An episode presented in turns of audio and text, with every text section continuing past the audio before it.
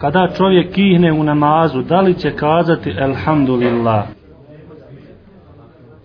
Inna alhamdulillah, nahmeduhu, wa nasta'inuhu, wa nasta'gfiruhu, wa na'udhu bihi min šururi anfusina, wa min sejati amalina, me jehdihi Allahu fahuwa almuhtadi, wa me yudlil faulaike humul khasirun.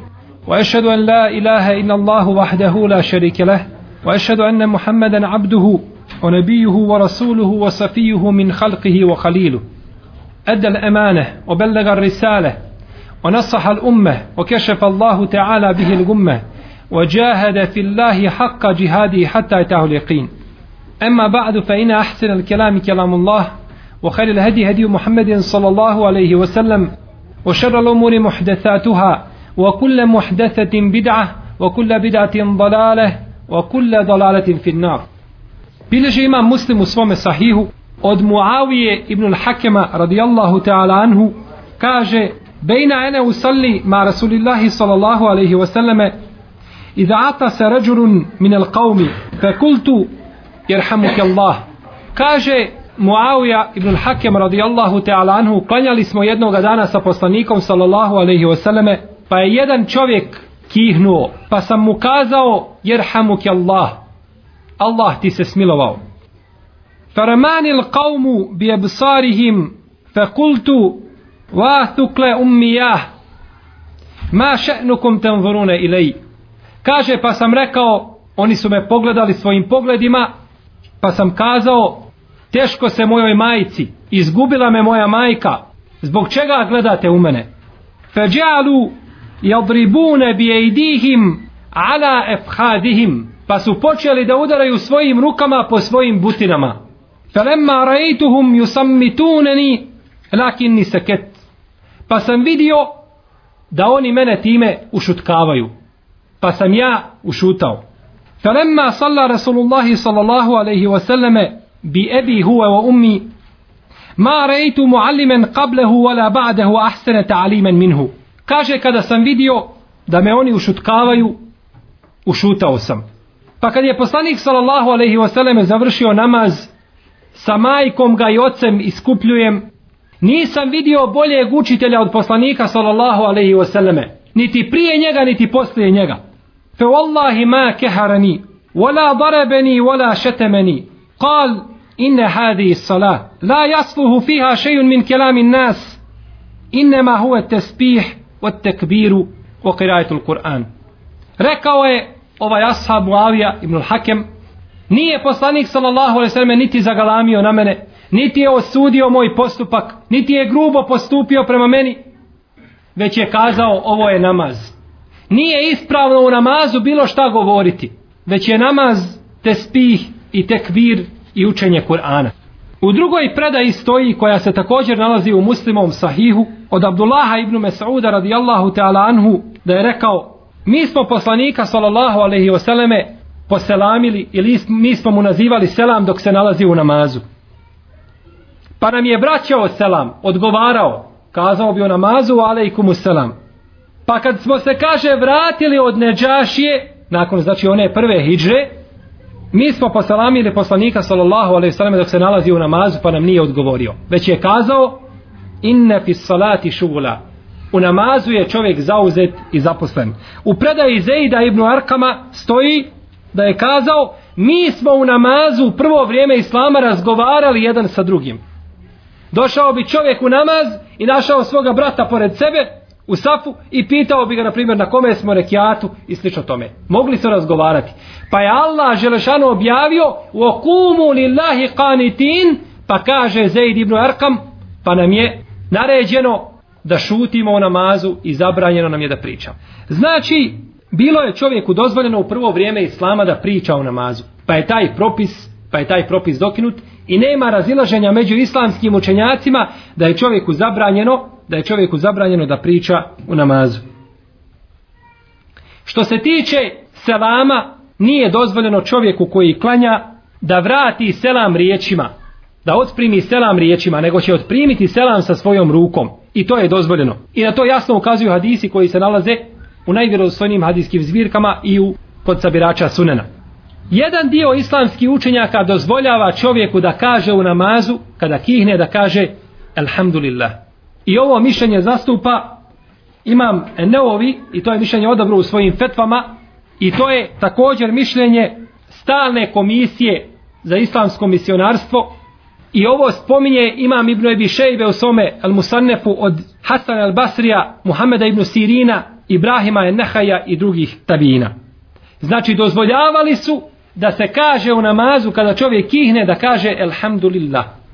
Bileži imam Tirmizi u svome sunenu sa lancem prenosilaca za koga šejh Albani kaže da je dobar od Rifate ibn Rafija da je klanjao jednog dana sa poslanikom sallallahu alejhi ve selleme pa je kihnuo u namazu. Kada je kihnuo kazao je Elhamdulillah hamdan kethiren tajiben mubarakan fihi mubareken alayhi kema yuhibbu rabbuna wa yarda. Kazao je znači proučio je ovu dovu. Kada je završio sa učenjem ove dove i sa namazom, upitao je poslanik sallallahu alejhi ve selleme ko je taj koji je rekao tako i tako u namazu. Pa je kazao ja o Allahov poslanice. Pa je rekao poslanik sallallahu alejhi ve selleme: "Wallazi nafsi bi yadihi laqad ibtadaraha bid'atun wa thalathuna malakan ejuhum jesadu biha." Tako mi kaže onoga u čuje ruci moja duša, 30 i nekoliko meleka se je natjecalo ko će tu dovu zapisati, ko će se sa njom uzdignuti. Allahu te barake o ta'ala. Kaže Ebu Isa, to jeste imame Tirmizi, nakon što je spomenuo ovaj hadis, jedan dio islamskih učenjaka dozvoljava da čovjek kada kihne u namazu da zahvali Allahu Đelešanuhu. I to da zahvali u sebi. Neće znači izgovarati to riječima, nego će zahvaliti samo u sebi. I ovo je mišljenje odabrao imam Ahmed kako spominje autor knjige El Insaf. I odabrao je također imam Ibn Džuzi, jedan veliki, znači malikijski pravnik. U dijelu El Binaje od imama El Ainija, u drugom tomu na 413. stranici, spominje ovaj veliki hanefijski učenjak, kaže da Ebu Hanife kazao, onaj ko kihne u namazu kazat će alhamdulillah, ali neće pomjerati svoj jezik. Nego će znači kazati bez pomjeranja jezika alhamdulillah. To izgleda više da će zamisliti riječ alhamdulillah. A ako bi pomirio svoj jezik, njegov namaz bi bio pokvaren. I spominje Ibnul Arabi u svome dijelu Aridatul Lahvedi u prvom tomu na 613. stranici od imama Malika da je dozvoljavao da se kaže u namazu Alhamdulillah. Jedan dio islamskih učenjaka kaže ovaj hadis koga smo spomenuli od Rifate Ibn Rafije da je kazao u namazu Alhamdulillah nakon što je kihnuo kažu to je bio dobrovoljni namaz.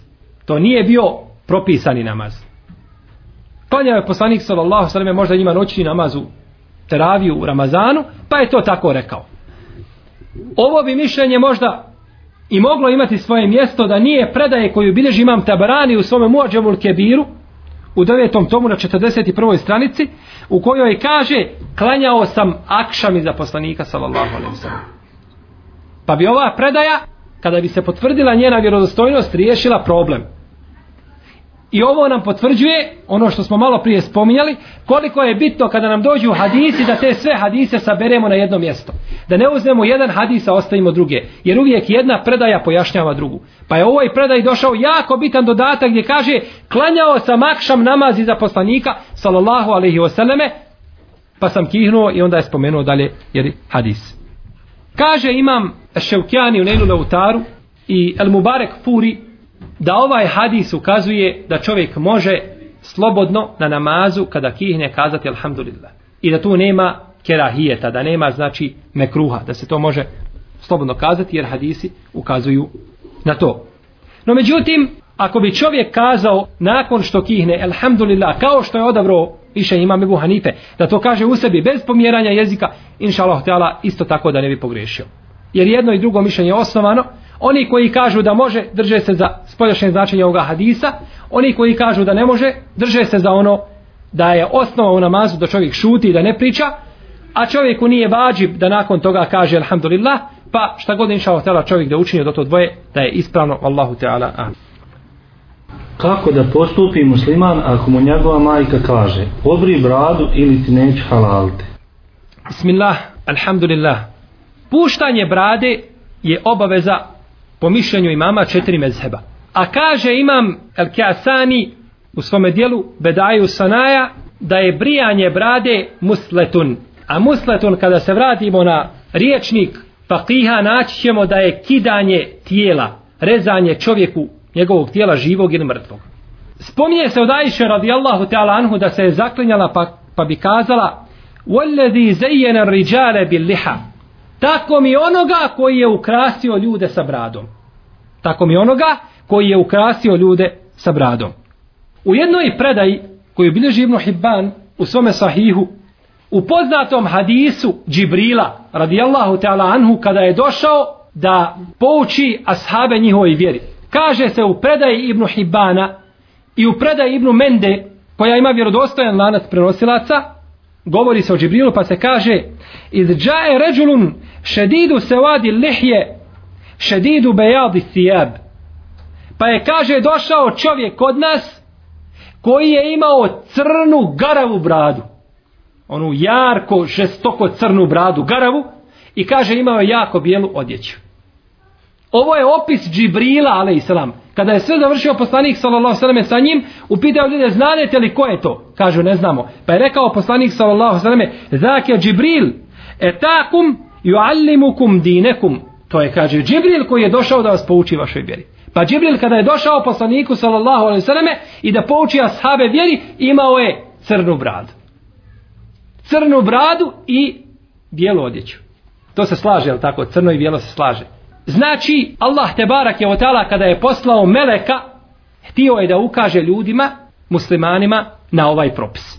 Slušao sam neke islamske učenjake koji kažu, bojim se da čovjeka koji obrije bradu, da je non stop griješan. Jer i dok spava, ima obrijanu bradu. I tada kažu može biti griješan. Za razliku od čovjeka koji, na primjer, gleda u žene. On pogleda u žene i obori pogled. Tad dok je pogledu ima grijeh jedan zbog tog pogleda. Dok kaže za onoga koji obrije bradu, kaže bojim se da može biti stalno griješan. Nije dozvoljeno čovjeku da se pokori svojim roditeljima i da obrije svoju bradu. Ne smije se pokoriti. Kazao to otac ili majka, neću ti halaliti, učinit ću ovako ili onako, ne smije se pokoriti, znači, svojim roditeljima.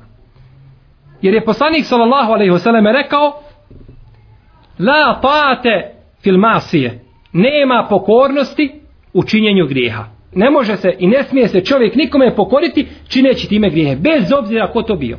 Jer je Allahovo Đelešanu pravo prvo i najveće. U jednoj predaji drugoj stoji da je poslanik sallallahu alejhi ve sellem rekao La pate li fi ma'siyati Allahi azza wa jall." Ne smije se čovjek pokoriti nikome od ljudi, a da bi time bio nepokoran Allahu dželešan. Ne smije, znači mora prvo biti pokoran Allahu te barake o teala.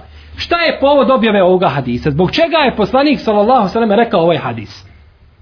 Bileže Buharija i Muslim od Alije radijallahu ta'ala anhu da je Allahov poslanik sallallahu alejhi ve selleme jedne prilike poslao vojsku da iziđu u jedan pohod i odredio im emira, vođu.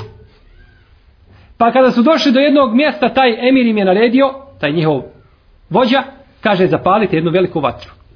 Pa su zapalili vatru. Pa je kazao, hajte sad svi uđite u tu vatru. Pa su ashabi bili prvo začuđeni tim gestom i tom naredbom. Kažu, zbog čega da uđemo u vatru? Pa mi smo u islam ušli da bi pobjegli od vatre. Da pobjegnemo od vatre džahennemske i ti nas sad tjeraš u vatru.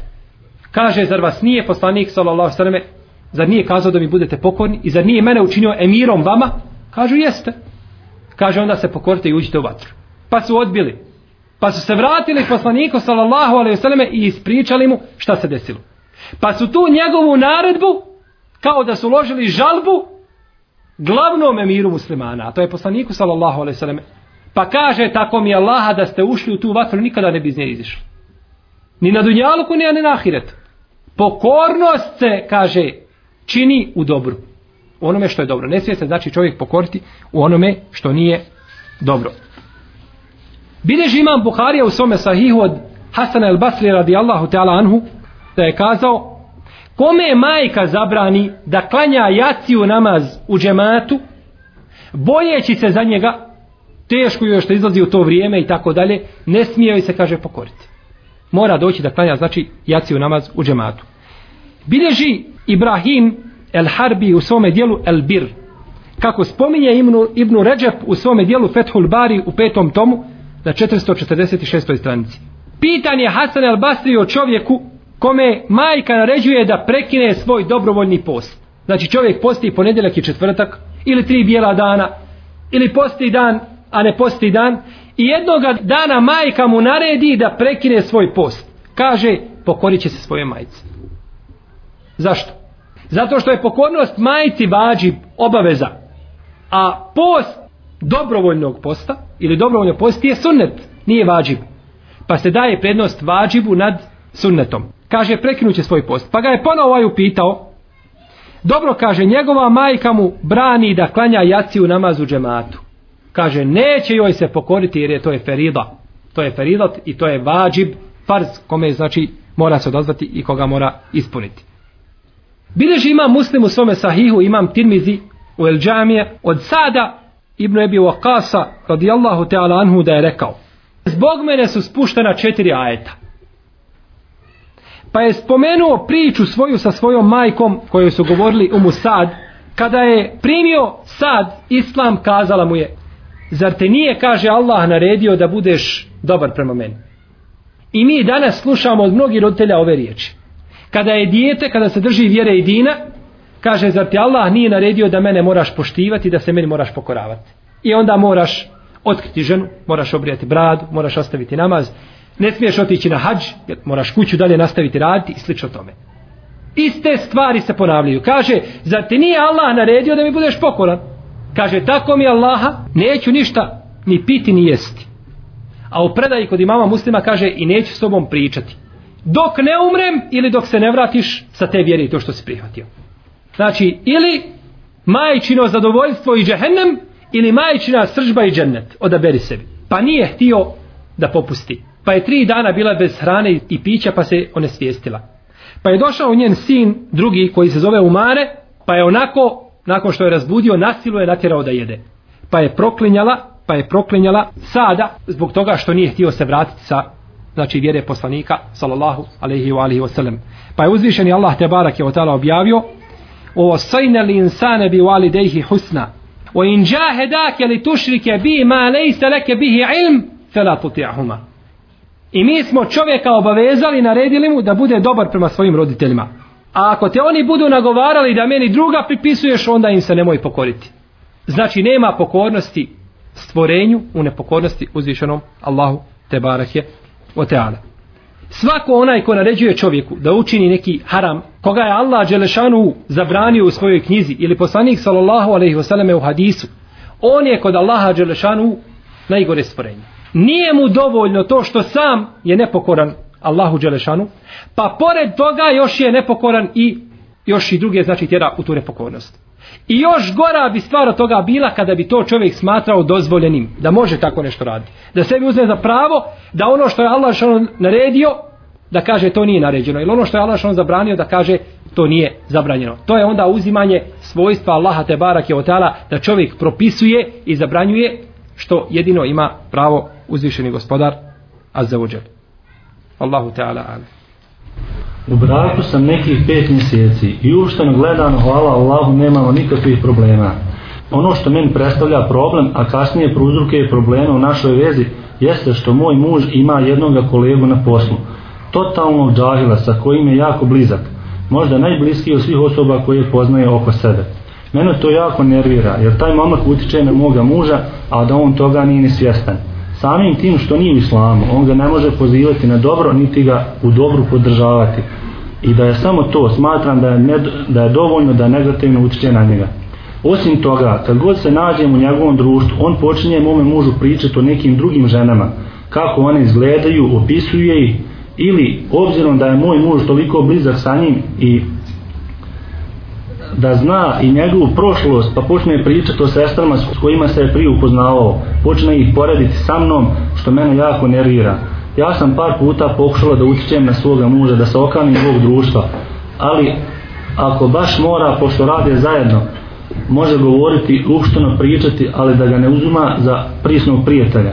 Međutim vidim da to samo kvari naš odnos i da on na njega da reći ni pola riječi pošto ne znam šta više da radim, rekla sam sama sebi da više neću ukazivati ništa što je vezano za njega. Jer ne bih brak da ugrozim, ali sam odlučila da se posavjetujem sa nekim kome je Allah podario malo više znanja i razboritosti. U nadu da će svoj problem riješiti, naravno prije toga obraćam se Allahu za pomoć, pa inšalna nadam se da će pomoć uslijediti. i da će mu Allah otvoriti oči i vidjeti šta radi. Pa zato voljeli bih znati šta mi ti brate preporučuješ da uradim šta smatraš da je najpametnije? Što bi se moglo preduzeti? Da se Allah nagradi assalamu alaikum wa rahmatullah. Bismillah, alhamdulillah. Čovjek vjernik u istinu braćo mora paziti s kim se druži. Mora voditi računa koga uzma za svoje društvo. Lijepo je čovjeku pohvalno da se druži sa ljudima koji ne znaju ništa o vjeri. Ljudima neznalicama kojima niko nije pričao niti govorio daleko od Allahovi Đeršanu propisa lijepo je da se druži sa njima sa jednim jedinim ciljem i nijetom da im govori o Allahovi Đeršanu vjeri da im ukazuje. Jer ako se čovjek ne bude družio sa tim ljudima ko će im govoriti ko će im ukazivati?